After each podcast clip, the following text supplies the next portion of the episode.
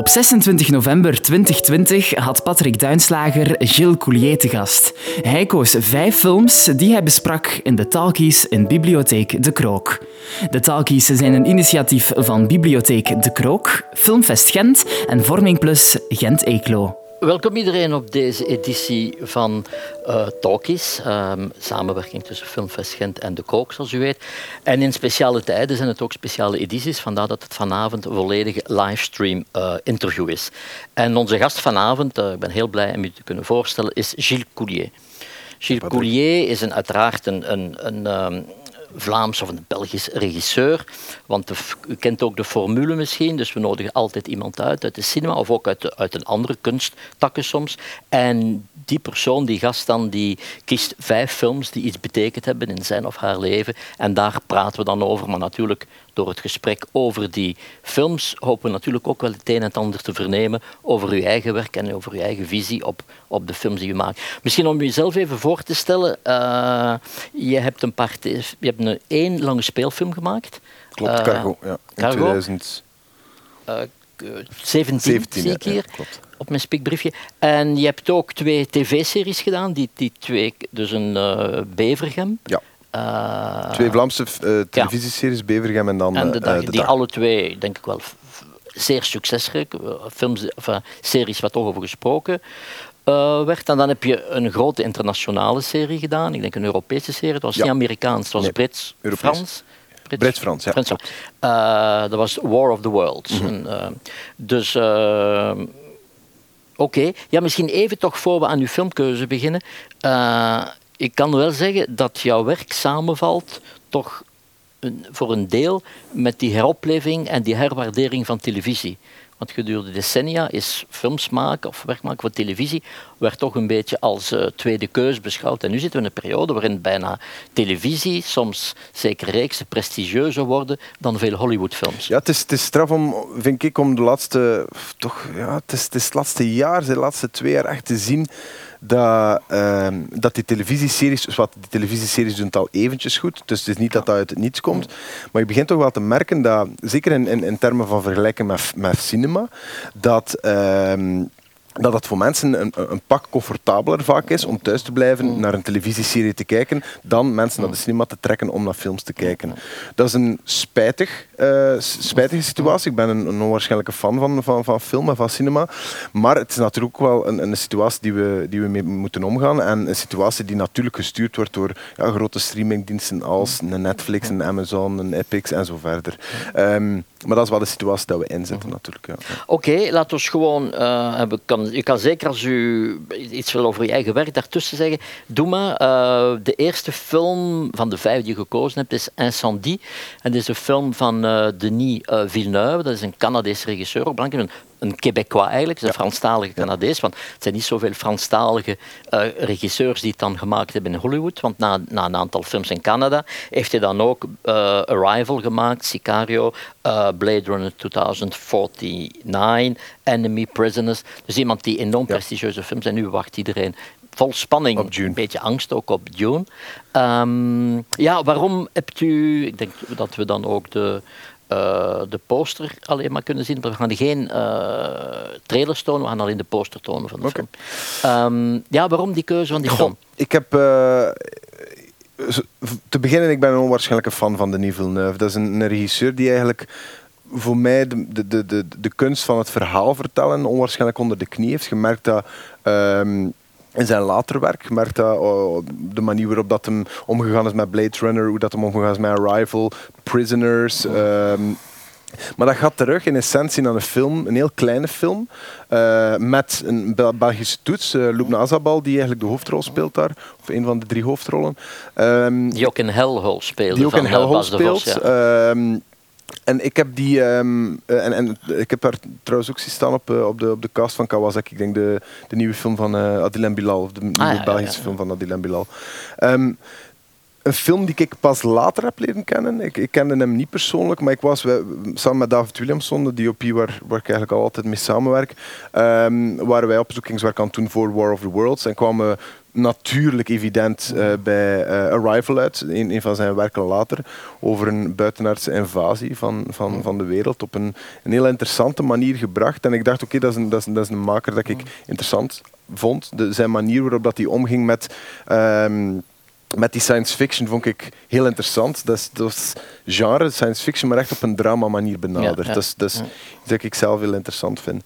Um, en dan beginnen te zoeken natuurlijk. Ja, Anson die heeft hij, heeft hij gemaakt. ik weet zelf niet meer welk jaar dat was. Maar een film die ik onwaarschijnlijk straf vind. Uh, um, een heel interessante, uh, vernieuwende vertaalstructuur. Uh, met twee tijdslijnen. Een, een, een, moeder die sterft en, en haar zoon en dochter die eigenlijk om een erfenisontvangst te mogen nemen op zoek moeten gaan naar de vader en de zoon. Uh, sorry, de vader en de broer dus. Mm. Hun vader en broer, terwijl ze niet weten dat ze een vader nog broer hadden. Um, en een verhaal die heel veel vertelt over uh, de roots van die vrouw, maar die ook een, ja, heel vernuftig verteld is. Vandaar dat, dat, dat de film is die mij altijd mm. aangegrepen heeft. Er zit, zit een paar heel, heel heftige scènes in. Um, maar voilà, dat is een film dat je, als je buiten komt, dat je denkt van shit, dat is... Uh, dat was iets. Uh, dus voilà, vandaar Incendies. En u zegt die, die regisseur Denis Villeneuve, wat, wat merkwaardig is aan zijn, uh, tot nu toe zijn carrière, is wel iemand die, je hebt het zelf ook wel al gezegd, maar die van kleine films toch redelijk snel opgeklommen is tot, mhm. een, tot een van de Amerikaanse topregisseurs. Uh, op dat vlak, je niet zo vaak ziet. Nee, en op dat vlak, ik, ik, ik zit daar niet onder stoel of bank. Dat is wel een regisseur dat ik, dat ik, ik kan niet zeggen jaloers, maar je, kijkt wel op naar zijn traject. Dat is, een, dat, is dat is, een, man die, die in zijn eerste film eigenlijk al heel snel toonde dat hij de kunst van het ja, filmmaken heel goed onder de knie heeft, maar nog meer dan dat echt wel weet hoe dat hij een verhaal moet brengen. Ehm, en dan als je zijn traject bekijkt, ik ben, ik ben, er, ik ben er jaloers van. Voilà. Ik, ik, ik, ik, kijk er naartoe en ik denk, oké, dat, is een, dat, is een, dat, is een, dat is een traject dat, dat ik graag ook zou uh, uh, ervaren. Um, niet dat dat noodzakelijk gaat gebeuren, maar het is wel, voilà, het is iemand dat, dat ik naar opkijk en iemand dat ik denk, oké, okay, um, hij heeft een aantal keuzes dat ik dat misschien niet zou gemaakt hebben, maar voilà, daarvoor de, uh, maakt elk zijn eigen keuzes. Maar, uh, maar een, een, zeer, zeer interessante uh, regisseur. Ja. En ook integer, hè? het is iemand die toch binnen dat systeem films maakt. Ik ben blij dat je, ook zegt. Maar waar, het is, waar je voelt dat hij achter staat en die niet gemaakt zijn zomaar als, als een machinerie om veel geld op te brengen. Wat ze uiteraard ook doen, hè, de meeste van die films. Maar dat het toch... Uh, het is iemand die toch dat evenwicht, dat toch, denk ik, in de huidige cinema, zeker in de huidige Amerikaanse cinema, zeer moeilijk is hè, om nog die, die uh, Ja, maar hij, hij, hij, vertelt zijn verhaal met een zekere authenticiteit, met een zeker respect voor, voor, voor het, het, het diep menselijke van zijn personages. Um, en ik denk zeker gezien, en dat is, dat is op zich ook wel een straffe keuze, hij heeft het uh, verhaal zowel van Arrival als van Essan die gebaseerd op een kort verhaal. Um, die dan, ja, dat hem dan zelf heeft uitgeschreven. schrijft heel veel van zijn scenario's mee zelf. Um, maar dan ook in een, in een land gepositioneerd dat, dat, dat hem niet kende, of dat heel, heel weinig affiniteit mee had. Um, dus, dus ja, het is, het, is echt een, het is echt een interessante regisseur. Ja. Ja. Het is er niet, voor, voor de mensen die de film niet zouden gezien het is eigenlijk een niet nader genoemd uh, uh, Arabisch land. Hè? Ja. Dus wordt niet duidelijk. Het wordt een uh, beetje geïnsinueerd dat Libanon is, denk ja, ik, maar, ja. uh, maar, maar inderdaad wordt niet, uh, wordt niet, echt best. Dus, nee, nee. Um, ja, de tweede film is Dogtooth. Het is de Engelse titel van een, van een Griekse film van Yorgos Lantinos, Lantimos, die, ja. een man die ook in een aantal jaren een verbazende carrière heeft gemaakt. Hij heeft een aantal heel opmerkelijk, heel persoonlijke films gemaakt in, uh, in Griekenland. Eigen stijl ook, denk ik. Mm -hmm. En dan heeft hij de laatste jaren maakt hij, heeft, maakt hij uh, internationale producties. Die zijn voor een stuk, denk ik, in Engeland gevestigd, waar toch ja. zijn meeste films nu gefinancierd worden. Waarom die film? Want dat is nog een van zijn prille perioden toen we allemaal, denk ik, die stijl voor de ontdekte. Voilà, het is, een, het, is, het, is, een film die ik het eerst gezien heb door... ik had les op Sint-Lucas van Patrice Stoy en het is Patrice Stoy die die ons die film getoond had. Ik denk dat hem dat jaar ook uh, Certain of ik weet niet wat dat hem gewonnen Hij had iets gewonnen op Cannes. Um, maar in vergelijking dan zeker, als het dan over regisseurs in vergelijking met bijvoorbeeld Denis Villeneuve, vind ik Jorgos Lantimos een veel duidelijker stempel hebben als regisseur. Is iemand ja, ja. die eigenlijk een heel mm. duidelijke visie heeft over regie en daar redelijk extreem in gaat. Mm. Hij heeft, heeft, voilà, heeft, heeft meer een stempel. Mm. Um, dat is niet meer beter of, of, of dan, dan, dan een Villeneuve.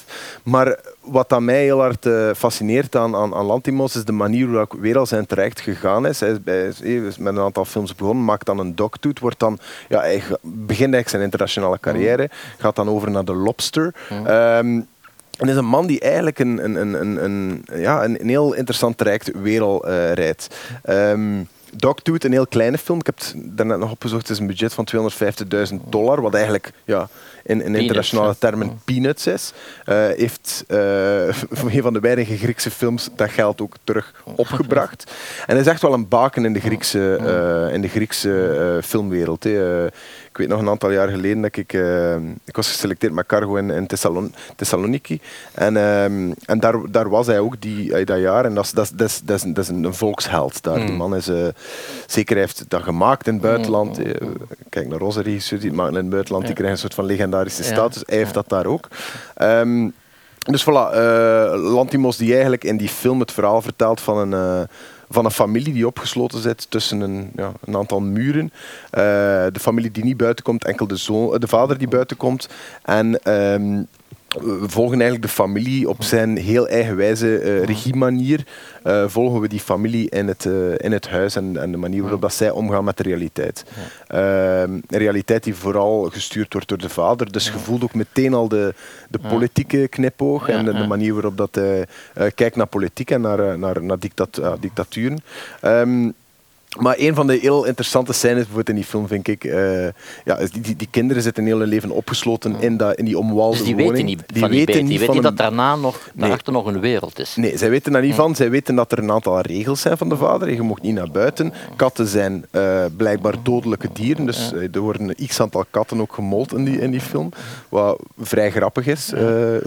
niet dat een mol of katten grappig is, maar wordt grappig gebracht. maar zo vliegen er ook vliegtuigen over. Uh, en dat is natuurlijk een notie van een buitenwereld. Um, en uh, hij verklaart dat dan door op regelmatige basis kleine miniatuurvliegtuigjes in de mm. tuin te gaan neerleggen, waardoor dat die ja, kinderen eigenlijk geen vragen meer gaan stellen bij de manier waarop, dat er, uh, waarop dat er een buitenwereld is. Een heel interessante manier van vertellen, een heel interessante manier, visuele stijl. Mm. Visuele stijl dat hij echt wel doortrekt naar Killing of a Sacred Deer, mm. The Lobster en dan recent The Favourite, die ja, ik een Fantastisch. Ja, een fenomenale film. Ja, ja, ja. En ook, maar die film nu specifiek zeker zijn, zijn, zijn Griekse films, uh, ook de andere. Het is, is ook een zeer absurdistische humor. Ben je daar ook uh, gevoelig voor? De, ja, ik vind dat... Maar, want je weet soms niet of je nu moet lachen of niet. Met de film is, je zit te kijken is, en het is een beetje een uh, ongemakkelijke humor soms. Ja, het is, het is heel gemakkelijk. Ik, ik, ik vind dat zelf persoonlijk heel grappig. Um, maar het is een keuze. Ja, het, is, het, is, het, is, het, het, het, het, zorgt er ook wel een beetje voor. En ik denk dat, dat ik daar uh, bijvoorbeeld met mijn films uh, heel veel uit moeten leren heb. Ik had dat wat naar meer bij de kortfilms. Dat je eigenlijk een soort van drama gaat counteren met humor, met mm. comedy, om het, om, het, om het toch draaglijker te mm. maken voor de mensen. Ik denk dat ik met, met Cargo bijvoorbeeld uh, ja, die keuze niet gemaakt heb, mm. doordat dat een heel zwaarwichtige, logge film geworden is. Ik ben er nogmaals ben er nog altijd heel tevreden over, over die film. Maar mocht ik hem opnieuw maken, dan denk ik dat ik die keuze toch wel uh, meer zou overwegen. Um, maar dat is bijvoorbeeld iets waarop dat hij um, ja, die dictatuur van die vader echt wel op een, op een luchtige manier gaat neerzetten. Uh, ook ja, als je kijkt naar de Favorite, ook een heel, heel uh, ja, uh, donker onderwerp, maar toch op een heel ja, grappige manier gebracht. Wat het Uh, ja. de, de twee films die we nu al ge, ge, uh, vermeld hebben, en ook de andere die zullen komen, zijn allemaal films die, uh, waar je toch voelt dat de regisseur uh, iets heel persoonlijk te vertellen had. Dat hij een grote band had met wat hij vertelt. In hoeverre is uw eerste speelfilm, is dat iets dat dicht bij u staat? Is dat, heb je dat voor uit eigen ervaringen, uh, familie of zo? Ja, ik probeer altijd, en dat, dat, dat, dat kwam eigenlijk al uit de kortfilms. Ik moet zeggen, ik ben film gaan studeren. Ik heb mijn eerste jaar gebiest met een, met een, met een heel aantal uh, medestudenten. Um, ik heb mijn, mijn, mijn, eerste jaar gebiest uit een soort gebrek aan maturiteit. Niet weten waar. Ja, dat is ook niet evident als, als 90-jarige student. Waar, waar moet je films over gaan maken? Ga je ze gaan zoeken bij jezelf? Of ga... En ik heb die grote drama's in mijn leven tot op heden, knock on wood, niet meegemaakt. Ik ben, um, maar zo zijn er wel een aantal frustraties, irritaties dat je leeft, dat leven bij u en, en, en ervaringen dat je denkt, oké, misschien zit daar wel iets in. Dus ik ben beginnen mijn films modifiëren naar, of mijn verhalen beginnen modifiëren naar zaken die ik meegemaakt heb en dat begon aan te slaan. Um, zo is dat met IJsland, Parool en, en Mont Blanc gegaan. En dat zijn niet de grote verhalen uh, over verlies. Dat zijn manieren waarop ik bijvoorbeeld met mijn eigen vader omga. De manier waarop ik met mijn moeder omga, met mijn broers omga. En Cargo is wel zo'n verhaal die echt geïnitieerd geweest is vanuit een gevoel dat ik had met mijn drie broers. Ik, ik heb, uh, met mijn twee broers. Wij zijn met drie zonen thuis. En ik vond dat eigenlijk al per definitie een interessante leefwereld om iets in te maken. Uh, het, het, het, is een heel masculine wereld. Uh, de moeder staat, staat symbool vaak als, als een soort van sprankeltje hoop. Um, en we hebben die moeder dan ook weggetrokken uit dat verhaal. Dus het was echt een, een verhaal van, van twee generaties, drie generaties eigenlijk. Um, drie generaties mannen uh, en opvolging. En, en mm. wat dat er gebeurt als inderdaad uw grote voorbeeld, uw vader, fouten maakt in zijn leven en daar eigenlijk niet, niet het grote rolmodel model is. Um, wat, dat, uh, wat dat je heel je leven hebt Dus het milieu kan ook een ander milieu geweest zijn? Kon perfect een ander milieu dus geweest. Het is, ja, ja, het is meer drama dat je neerzet in dat milieu. Dat... Maar, maar, maar het, het, het, milieu vertaalde voor mij ook wel de, de communicatie die wij vaak thuis hadden. Ik kom, echt, ik kom, ik kom uit een heel warm gezin, en onwaarschijnlijk lieve mensen. Dus, dus daar gaat het voor mij niet over, maar het gaat wel over um, de manier waarop je communiceert. Bij ons werd er vroeger heel weinig over gevoelens, emoties gebabbeld. En als je dat dan natuurlijk je verhaal gaat transponeren naar een ja, wereld van vissers, bebaarde mannen die, die hun baarden kan gebruiken als een soort van ja, masker om niet over emoties te gaan babbelen, viel dat heel goed samen met, uh, met dat ik wil vertellen. Ja. Oké. Okay. Uh, de derde film uh, is Jachten, een film van Thomas Vinterberg, die trouwens nog enkel twee maanden geleden op het festival was met zijn nieuwe film Drunk. Um, Jachten is, ik, zelf vind ik een beetje dat zijn carrière beetje onevenwichtig is. Maar Jachten is zeker een van zijn, zijn, zijn beste films. Hij heeft een aantal meesterwerken gemaakt, ja. vind ik persoonlijk aan, ja, aan het begin van zijn carrière. En heeft dan een heel rare switch gemaakt. En daar, daarom vond ik het interessant om die film er ook tussen te steken, mm. omdat je met een Vinterberg ziet dat hij heeft wel die stap willen maken. Mm. Hij heeft die stap willen maken met een Kursk, hij heeft die stap willen maken met een ik kom even niet op de naam. Far From a Madding Crowd. Far From a Madding Crowd. En je voelt dat dat hem niet zo goed afgegaan is. Hè? Ik ga die films zeker niet neersabelen. Ik wil, ik, met alle respect voor de manier waarop die films gemaakt geweest zijn. Maar je voelt dat de manier waarop dat Winterberg zijn verhalen brengt, veel meer tot recht komen in een soort van meer kleinere omgeving, ja, ja. zoals dat hem doet in jachten en zoals dat we nu bijvoorbeeld weer doen met, uh, met, met Drunk. Um, het is als, en ook als, die Scandinavische uh, ja, een beetje die omgeving. Ja, voilà. um, maar een, een, meesterwerk. Ik vind, echt, ik vind jachten een meesterwerk, emotioneel meesterwerk. Uh, zijn samenwerking met Mats Mikkelsen, die, die, die, die heel, heel duidelijk naar voren komt nu weer al in Drunk.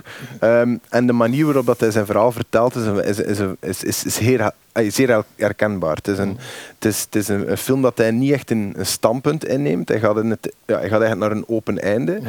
Alhoewel ik, dat ik het gevoel heb dat hij hij geeft wel iets aan wat, hij, wat, er, eh, wat er zo gezegd zou gebeurd zijn of niet gebeurd zijn. Maar inderdaad, het verhaal van een, eh, een, man die op een soort van kinderdagverblijf werkt en door een van de kindjes um, ja, wordt, uh, wordt beschuldigd van uh, misbruik. Mm -hmm. En dan gaat de film over, ja, is het waar of niet? En vooral, uh, hoe gaat zijn omgeving om mhm. Met die beschuldigingen van dat kind? Want een kind kan toch niet liegen? Dat is een -hmm. beetje de, de, de, situatie die gebeurt. Ja, echt een, een meesterwerk. Ja. En een film die die, uh, want de film is van 2012, die, die misschien vandaag nog sterker zou overkomen dan acht ja. jaar geleden. Want de maatschappij is intussen ook wel geëvolueerd.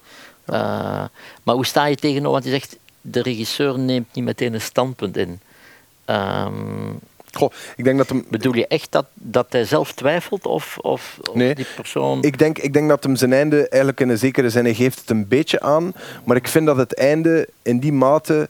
Kijk, hij had perfect een soort plot kunnen zijn waarin het kind dan zegt wat het is niet gebeurd of het is wel mm. gebeurd. Snap? Hij, mm. hij, laat dat open in een zekere zin. Het is dan maar aan de kijker om net als de omgeving van Mats Mikkelsen eigenlijk te gaan invullen van wat, denkt, wat mm. denkt u nu zelf dat er gebeurd is. Ja, ja. Um, wat ik er zelf van vind, doet er eigenlijk niet, niet zo heel nee. veel toe of zoiets. Maar ik vind dat op zich wel een heel interessante keuze dat hij doet. Want op die manier, kijk, film maken is uw publiek iets leren, is uw publiek iets bijbrengen, uh, is, een, is, een, is een emotie overbrengen dat je misschien nog nooit hebt meegemaakt of een emotie dat je meegemaakt hebt versterken. En ik vind wat hij daar doet, hij laat mij vragen stellen als kijker. Ik kom buiten, ik ben niet onbewogen. Um, dus, dus, dus dat vind ik daar heel interessant aan. Ja. Nu, omdat we, eh, we hebben nu drie, drie films, denk ik. We zitten aan de derde film, we hebben nog twee, maar ook die die volgen. Dat zijn allemaal films waarin de, de stempel van de regisseur heel sterk is. Dus niet alleen uh, de keuze van Tonne, maar ook de stijl. Dat je echt ziet dat het zijn mensen die op een andere manier films maken. Al die vijf talenten zijn zeer Um, zeer verschillend, zeer divers. Maar het zijn allemaal echte auteurs van wie je kunt aan de film zien dat zij die film gemaakt hebben. Nu, welke vraag? De vraag is misschien een beetje ingewikkeld en omslachtig, maar ik wou dat even vragen om dat te vergelijken en wat jouw visie erop is op televisie. Want nu heb ik toch de, ik heb niet de indruk, maar televisie, uh, tv-series, uh, is de regisseur van ondergeschikt belang. Ik bedoel niet mhm. ondergeschikt belang in de realiteit, maar in de manier waarop dat door het publiek gepercipieerd wordt. Omdat, eh, neem nu bijvoorbeeld Netflix, kijk naar een serie, uh, The Crown, uh, begint een nieuwe aflevering. je kan meteen de, de klein stukje, intro, en dan heb je de generiek. Je kan meteen die generiek wissen of, of springen dat je de generiek niet ziet. Maar op de generiek staat toch wel even wie dat geregisseerd heeft. Dus, en ook van Netflix, heel die attitude is eigenlijk dat de regisseur niet, niet toe doet. Mhm. Dat die anoniem is. Mm Tenzij uitzonderlijk Scorsese die dan, mhm. maar dat is echt een grote uitzondering. Uh, en waar de schrijver, de, de creator, de, de showrunner. En dan wou ik toch vragen, hoe moeilijk is dat dan als regisseur of, om toch je stempel daarop te drukken. Zeker in series die dan door verschillende mensen geregisseerd worden, waar iedereen toch een soort huisstijl dan moet eh, hanteren. Dat is, um, en ik ga er heel eerlijk over zijn, dat is, geen, dat, is geen, dat is geen makkelijke situatie om in te zitten. Als je een, eh, een project maakt, um, een project initieert, mee aan de wieg zat van een, van een project. Schrijvers zijn er al veel langer mee bezig. Ze hebben een heel duidelijk beeld wat ze willen. Maar de perceptie is dat een regisseur moet volgen. Een regisseur volgt wie dat die showrunner is, showrunner gaat de stijl bepalen. Ehm, ik vind het in de projecten dat ik heb meegemaakt, en dan heb ik het over, over, over, vooral over de dag en, War of the Worlds, ik heb een onwaarschijnlijk goede relatie gehad met de manier waarop de showrunner slash scenarist, War of the Worlds hadden wij geen, eh, geen, geen, niet echt een showrunner, was wel een heel uit, aanwezige scenarist. Dat zijn mensen die telkens heel hard vertrouwen gegeven hebben naar mij, van kijk, wij vinden dat jullie bij de dag waren we met twee regisseurs, dat jullie vooral jullie ding ermee moeten doen. Als er inhoudelijke vragen zijn enzovoort, dan, dan, dan, dan zijn wij er. Maar wij willen, willen vooral dat die verantwoordelijkheid gegeven wordt. Het is een heel, heel groot gevaar, dat, en dat zie je vaak bij een aantal ehm, televisiereeksen, is dat die verantwoordelijkheid niet wordt gegeven en dat je eigenlijk als, als regisseur uitvoerder wordt. Dat is voor mij persoonlijk, dat zijn niet de projecten waar ik zelf naar op zoek word, uh, ben. Want dan kom je in een situatie terecht dat je die verantwoordelijkheid niet hebt. En dus ook bij een keuze moet dit goed of slecht zijn, uh, welke keuze maak ik, kan, je kunt je buikgevoel niet meer volgen. Want het buikgevoel doet er ook niet meer toe. Het is het buikgevoel van de showrunner die het er doet. Dus dan kun je je afvragen, oké, is dat over alle televisiereeksen? Dan ben ik, uh, daar kan ik een stevige nee op antwoorden. Um, maar het is inderdaad wel zo dat in, in, in televisie die perceptie uh, omtrent schrijvers heel belangrijk zijn. Um, en dat is, dat, dat, is ook niet, dat, is ook niet, eh, dat is ook niet raar, want dat zijn projecten waar dat schrijvers vaak heel, heel lang mee bezig zijn. En door er heel lang bezig, mee bezig te zijn, gaat je ook uh, automatisch een visie uh, brengen over dat project. Nog meer, um, televisiereeksen duren heel lang om te draaien, in tegenstelling tot films. Um, en worden vaak door meerdere mensen geregisseerd. En dan is zo'n showrunner heel belangrijk om wel een soort van consistente um, lijn daarin te doen. Zijn dat projecten waar ik zelf naar op zoek ben? Nee, dat wel niet. Ja. Maar die showrunner, in het meeste geval is dat toch een scenarist, dat is niet iemand die zelf kan regisseren. Nee.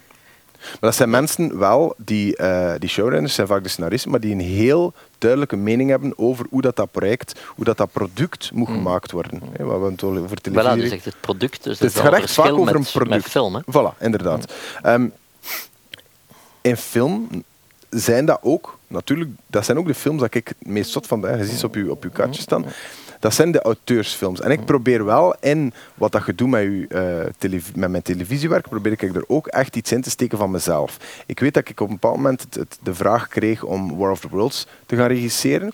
Ehm, en er waren op dat moment twee dingen die mij heel hard aanspraken op project. Want ik heb, het, ik heb eigenlijk direct een mail ges- teruggestuurd en gezegd van kijk, dat is niet iets voor mij, denk ik. Want en zij zeiden nee, we willen echt dat, we, dat je het aanpakt op de manier waarop dat je film en je vorige televisiereeks hebt aangepakt. Dus echt een, ja, op zoek gaan naar een soort van realistische toets om dit verhaal geloofwaardiger te maken.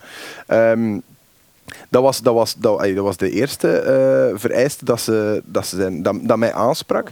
En twee, ze zeiden, het moet niet zoals iets zijn dat we al gezien hebben. Niet de War of the Worlds van eh, eh, ervoor.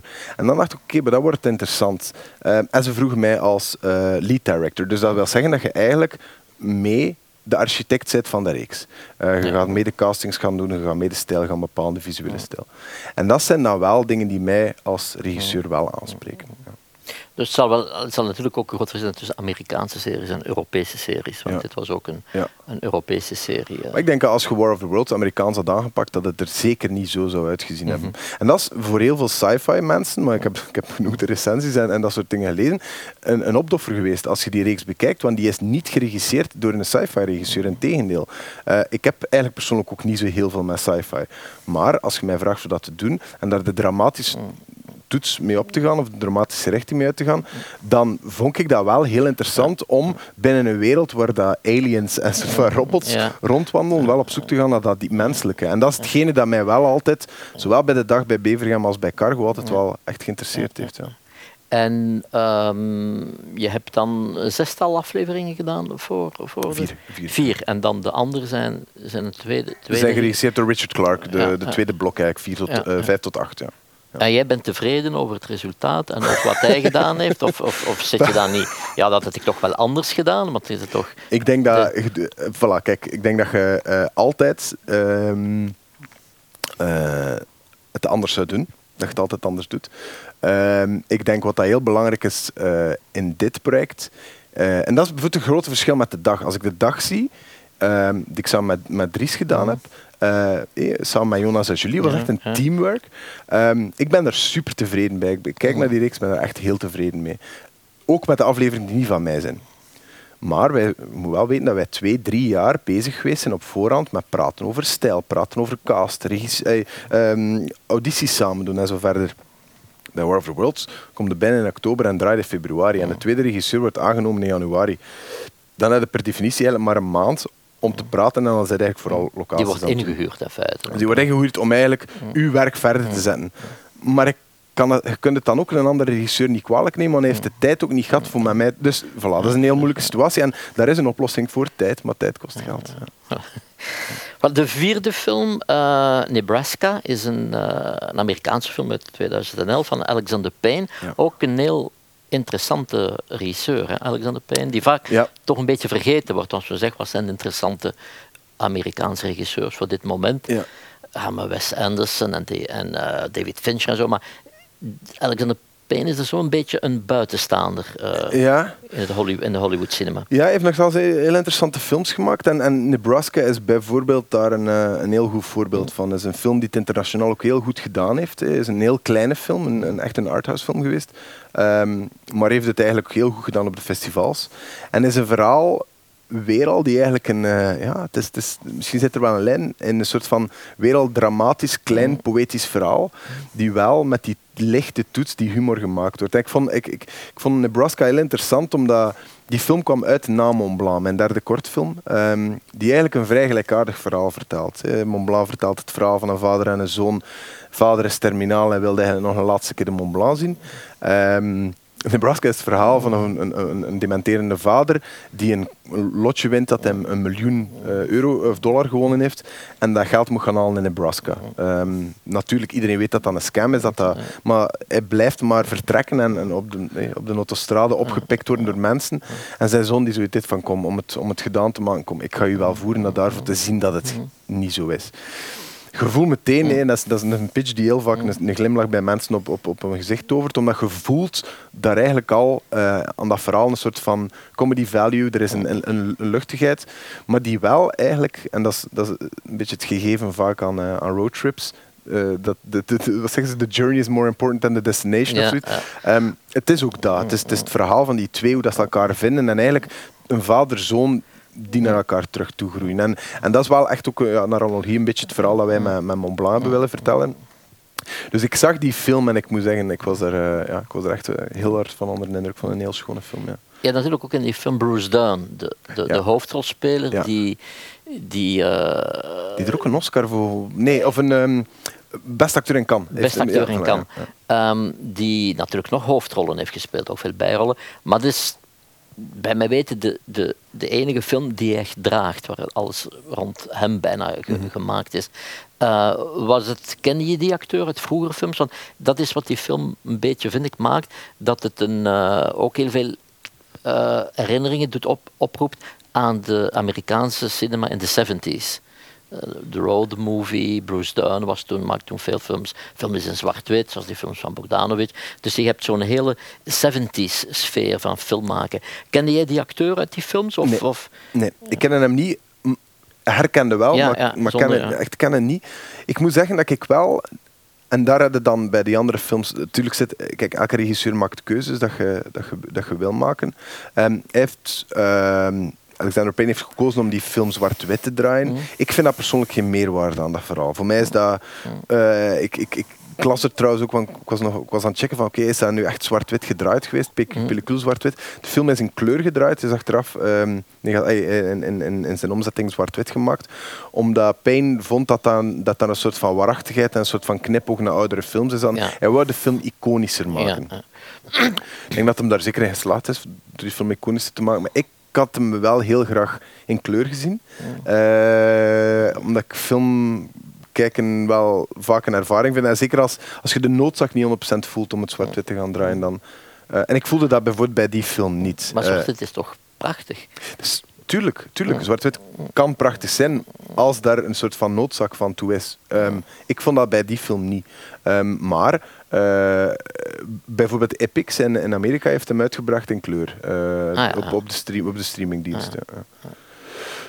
Zijn keuzes, het zijn meningen Ja, die, ja. eh, die, die, die, die, ja, dat je tegenkomt in het, in, het- in het ontwikkelen van een, van, van een project. Ehm, meningen die verschillen. Ik, ja, elke film regisseert en dat wordt dan achteraf worden afgerekend op uw, op uw keuzes. Het is een, eh, het is een keuze die ik persoonlijk niet zou gemaakt hebben, maar ja, ik, ik voel de, de, de warmte omtrent Ja, ik vond dat die, dat die film door dat zwart-wit ook, het is een, eh, eh, de wereld die hij beschrijft is niet super esthetisch. Hè. Het is ook zo'n soort Amerika, dat ik een beetje het, als ik oneerbiedig mag zijn, het Trump-Amerika dat Ja. hij toont. Hè.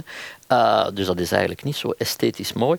Maar door dat zwart-wit maakt alles mooier, vind ik. Maakt alles daar ik-. Daar ben ik Ja. dus bijvoorbeeld al niet aan mee akkoord. Ik vind zijn, zijn settings, zo de, de, de, de lege eh, dorpen met de oude...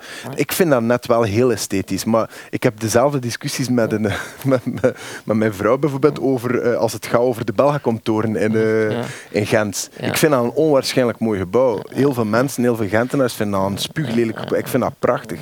En dat zijn denk ik dan Ja, een reden waarom ik bijvoorbeeld heel graag die film in kleur had gezien. Omdat ik net denk Mhm. dat die esthetiek van het lelijke, de esthetiek van het rauwe, eh, daar, daar, ja, daar wel in, in, in voorkomt. Ja. Oké. De, de vijfde film is, dit is een Britse film, eh, Naked van Mike Lee, film uit 1993. Ehm, ik denk in het werk van Mike Lee dat het een van zijn meest ehm, eh, harde en radicale films is. Hij heeft films gemaakt die veel, aanhalingstekens, makkelijker zijn.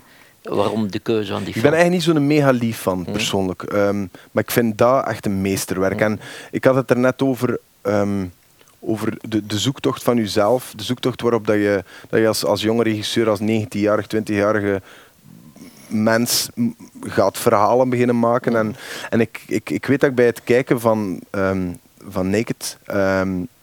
ik was onwaarschijnlijk getriggerd door die film. Ik vind de manier waarop dat David Thewlis die, die rol eh, vertolkt, is, is, is, is fenomenaal. Ehm, maar het is voor mij een heel grote inspiratiebron geweest voor mijn eerste film, die, eh, dan kort, kortfilm, eh, IJsland. eh, waarop dat je eigenlijk met een heel brutaal gebekt personage zit, die een eigen visie heeft over de wereld, maar vooral... ehm, de brutaliteit gebruikt om zijn, om zijn eigen zwaktes en zijn eigen emotionaliteit aan de kant te duwen. En ik denk dat dat mij als maker en mij als mens ook vaak een beetje definieert. Ehm, en ik denk dat ik zeker de film er daarop, uh, daarom ertussen gestoken heb, omdat ik vind dat je omdat, omdat dat, dat aantoont dat je als regisseur wel een klik moet vinden met je eigen uh, persoon om dat in je werk te gaan vertalen. En eigenlijk een soort van stijl slash auteurschap te gaan opzoeken die ik interessant vind in makers. Uh, de manier waarop dat wij omgaan bijvoorbeeld met mijn productie eh, bij de Wereldvrede met, met regisseurs.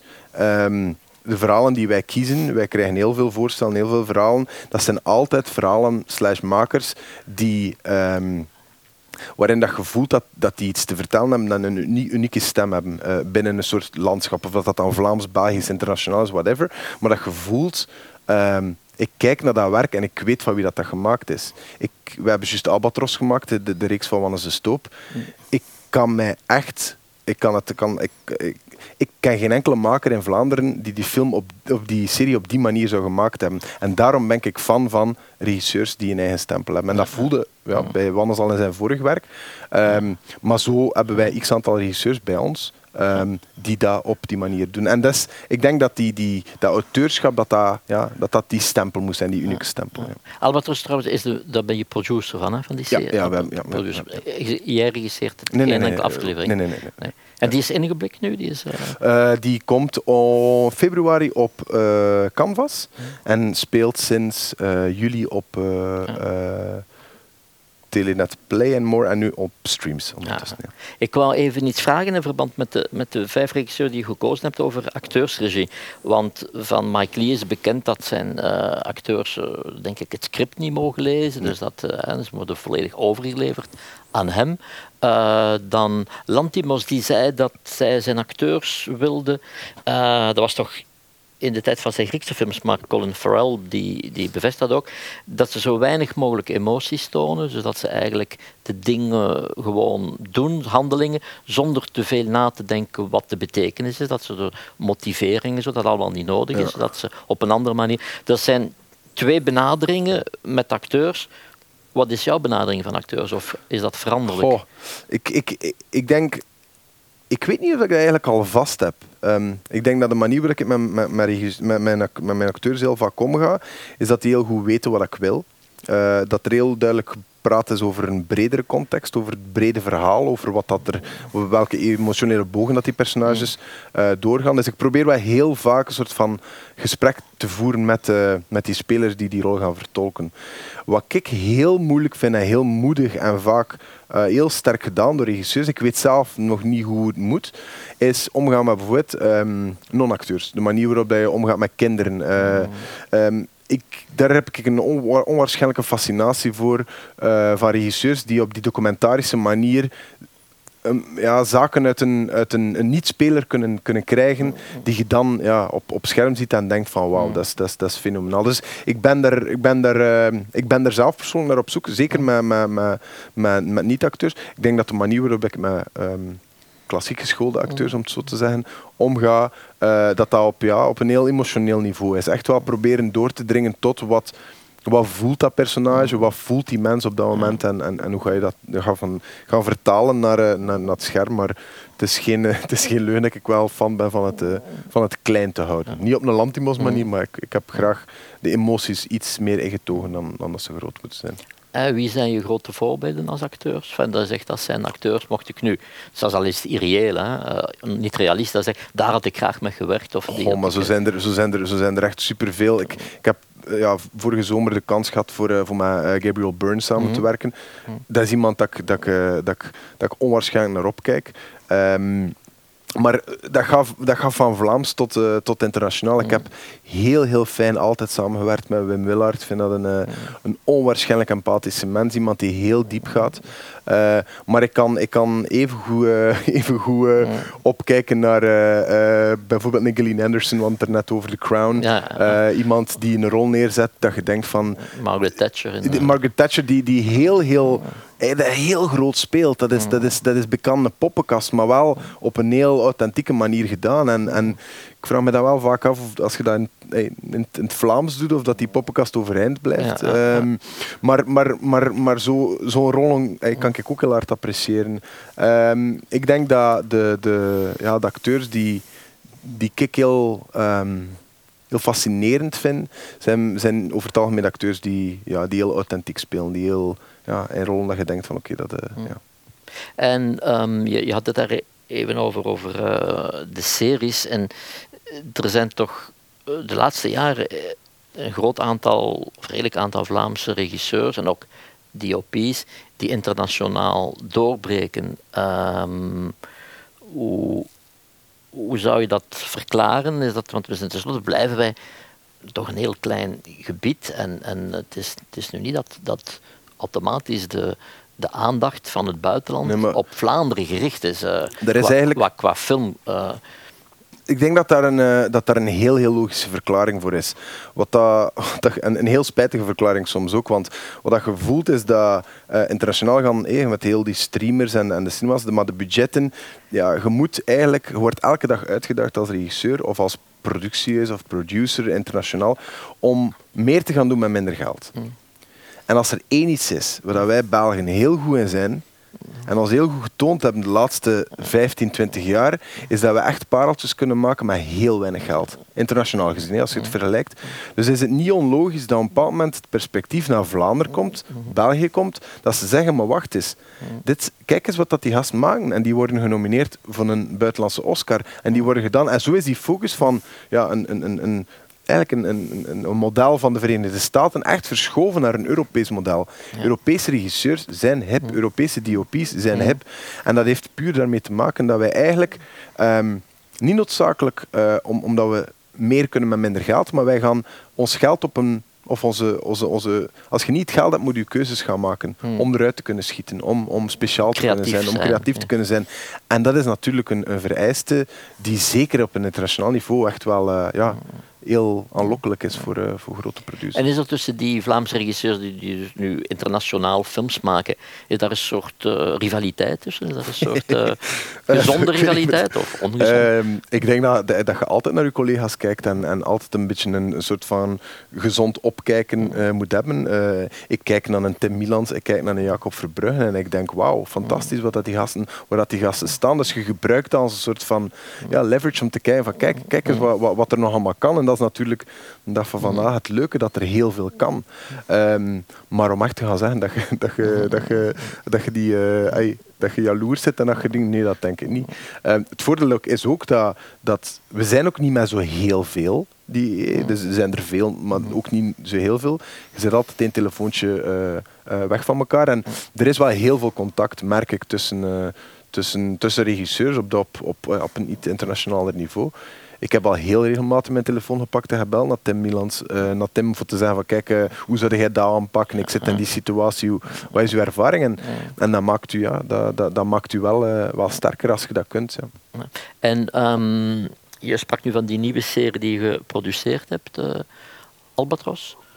Ehm, zijn er nog projecten die, maar projecten die, die zeer ver gevorderd zijn? Wat, wat, wat staat er op uw agenda de volgende Ehm, jaren? Ik ben zelf met een, eh een langspeelfilm bezig, eh, die, eh, die ik aan het schrijven ben. Dat is een, een Engelstalig project.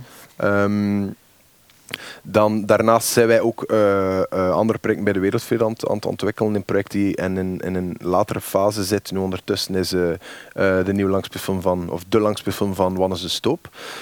Maar zo hebben wij een aantal projecten, we hebben een aantal televisieseries in ontwikkeling. Ehm, dus dus er, er gebeurt heel veel. We zijn met met de film bezig van Leonardo van Dijl, die nu net in, met Stefanie in Cannes stond. Eh, kortfilmcompetitie.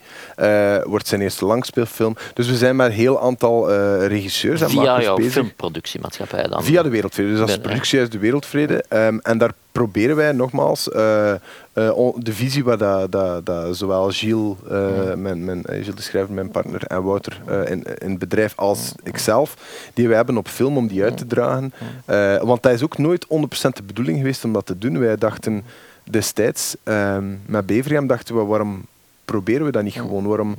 En ik denk dat daarna de keuze om, om Cargo te gaan maken zelf vrij evident leek, want tot dan lag de film bij Dirk Impus in ontwikkeling. Ehm, en dat wij voelden dat de manier waarop je creatief producent kunt zijn, is, of tenminste het meest uit je film kunt halen, is niet alleen naast interessante keuzes maken als regisseur, ook interessante keuzes maken als, als producent, creatief producent. En ik denk dat dat voor een aantal makers aanlokkelijk geweest is om te komen aankloppen bij ons. Ehm, en te zeggen van kijk, hebben jullie geen zin om dit mee te ontwikkelen met ons? En zo ben ik echt, echt super, super trots op, op, uh, op de regisseurs die, die bij ons uh, in, ontwikkeling zijn. Um, en voilà, ja. En um, we zitten in een hele moeilijke periode, uiteraard. We willen eens een beetje open deuren intrappen. Is er iets in die waanzinnige tijden waarin wij leven, uh, als filmmaker, dat je daar toch iets kunt uithalen? Is het een, of is het alleen maar negatief? Ik denk dat, ja.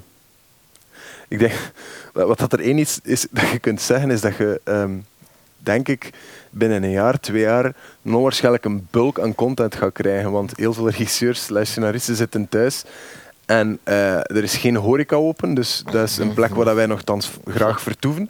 Uh, dus dat zorgt er wel voor dat er veel meer geschreven is, uh, dat er veel meer gaat ontwikkeld worden. En ik denk dat, dat, dat voor um, de kijker uh, dat het wel vrij interessante tijden worden. Wij gaan werk hebben, maar er zijn uh, heel veel drama's gebeurd uh, de laatste, de la het laatste jaar.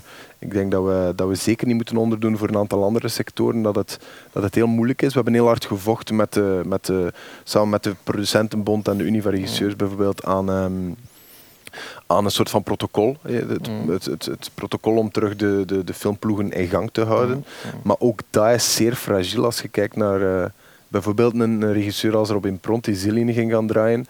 Ja, dat is, dat is niet evident om in, in dit, dit soort tijden uh, massascènes en, en discotheken te gaan draaien. Dus je komt automatisch in een situatie terecht waarin, dat je, waarin dat films die één jaar, twee jaar of zes maanden, whatever, uitgesteld worden. En dat zijn voor heel veel mensen die aan die films meewerkten, die, die op punt stonden om die films te gaan draaien. Uh, ja, drama's. Dat is, dat, is, dat, is, dat is niet plezant, ja. Integendeel. Ja. Maar nogmaals, um, ik denk dat er, uh, dat, er, uh, dat er heel veel aankomt en dat er heel veel uh, interessante dingen gemaakt zijn. ik zie dat bij ons ook. Um, bij de projecten dat wij mee bezig zijn. Ik heb heel veel geschreven, ik heb nog nooit zoveel geschreven. Maar ik zie het ook bij andere makers. ja, dus. Dus oké, okay, op deze toch lichtjes Tja. positieve noot hè, kunnen we het gesprek misschien afsluiten. Uh, hartelijk dank, Gilles. Graag gedaan. Uh, en veel succes met, jou, met jouw projecten. Uh, projecten voor nu en projecten voor de toekomst. Ehm, ja, nog een kleine misschien een mededeling dat de, vol, de vorige edities van, ehm, van de talkies, die, die kun je terugvinden op de website van, van de Krook. Dus die staan er allemaal op een rijtje. Je kan die nog uh, daar ook bekijken. Dat blijft daar ook op staan. En dan wou ik ook toch uh, jullie uitnodigen voor de volgende editie van, uh, van onze talkies. Dat is, we, we gaan de maand, is er geen, dus in december is er geen, zoals vorig jaar ook. Maar in januari zijn we terug op woensdag, uitzonderlijk op woensdag, 27 januari, met Filip Peters. En ik hoop dat jullie allemaal op hetzelfde moment ook uh, ja, zitten naar de livestream te kijken, want het zal ook op dezelfde manier uh, gebeuren. Dank u wel en uh, tot volgende keer. Dank u.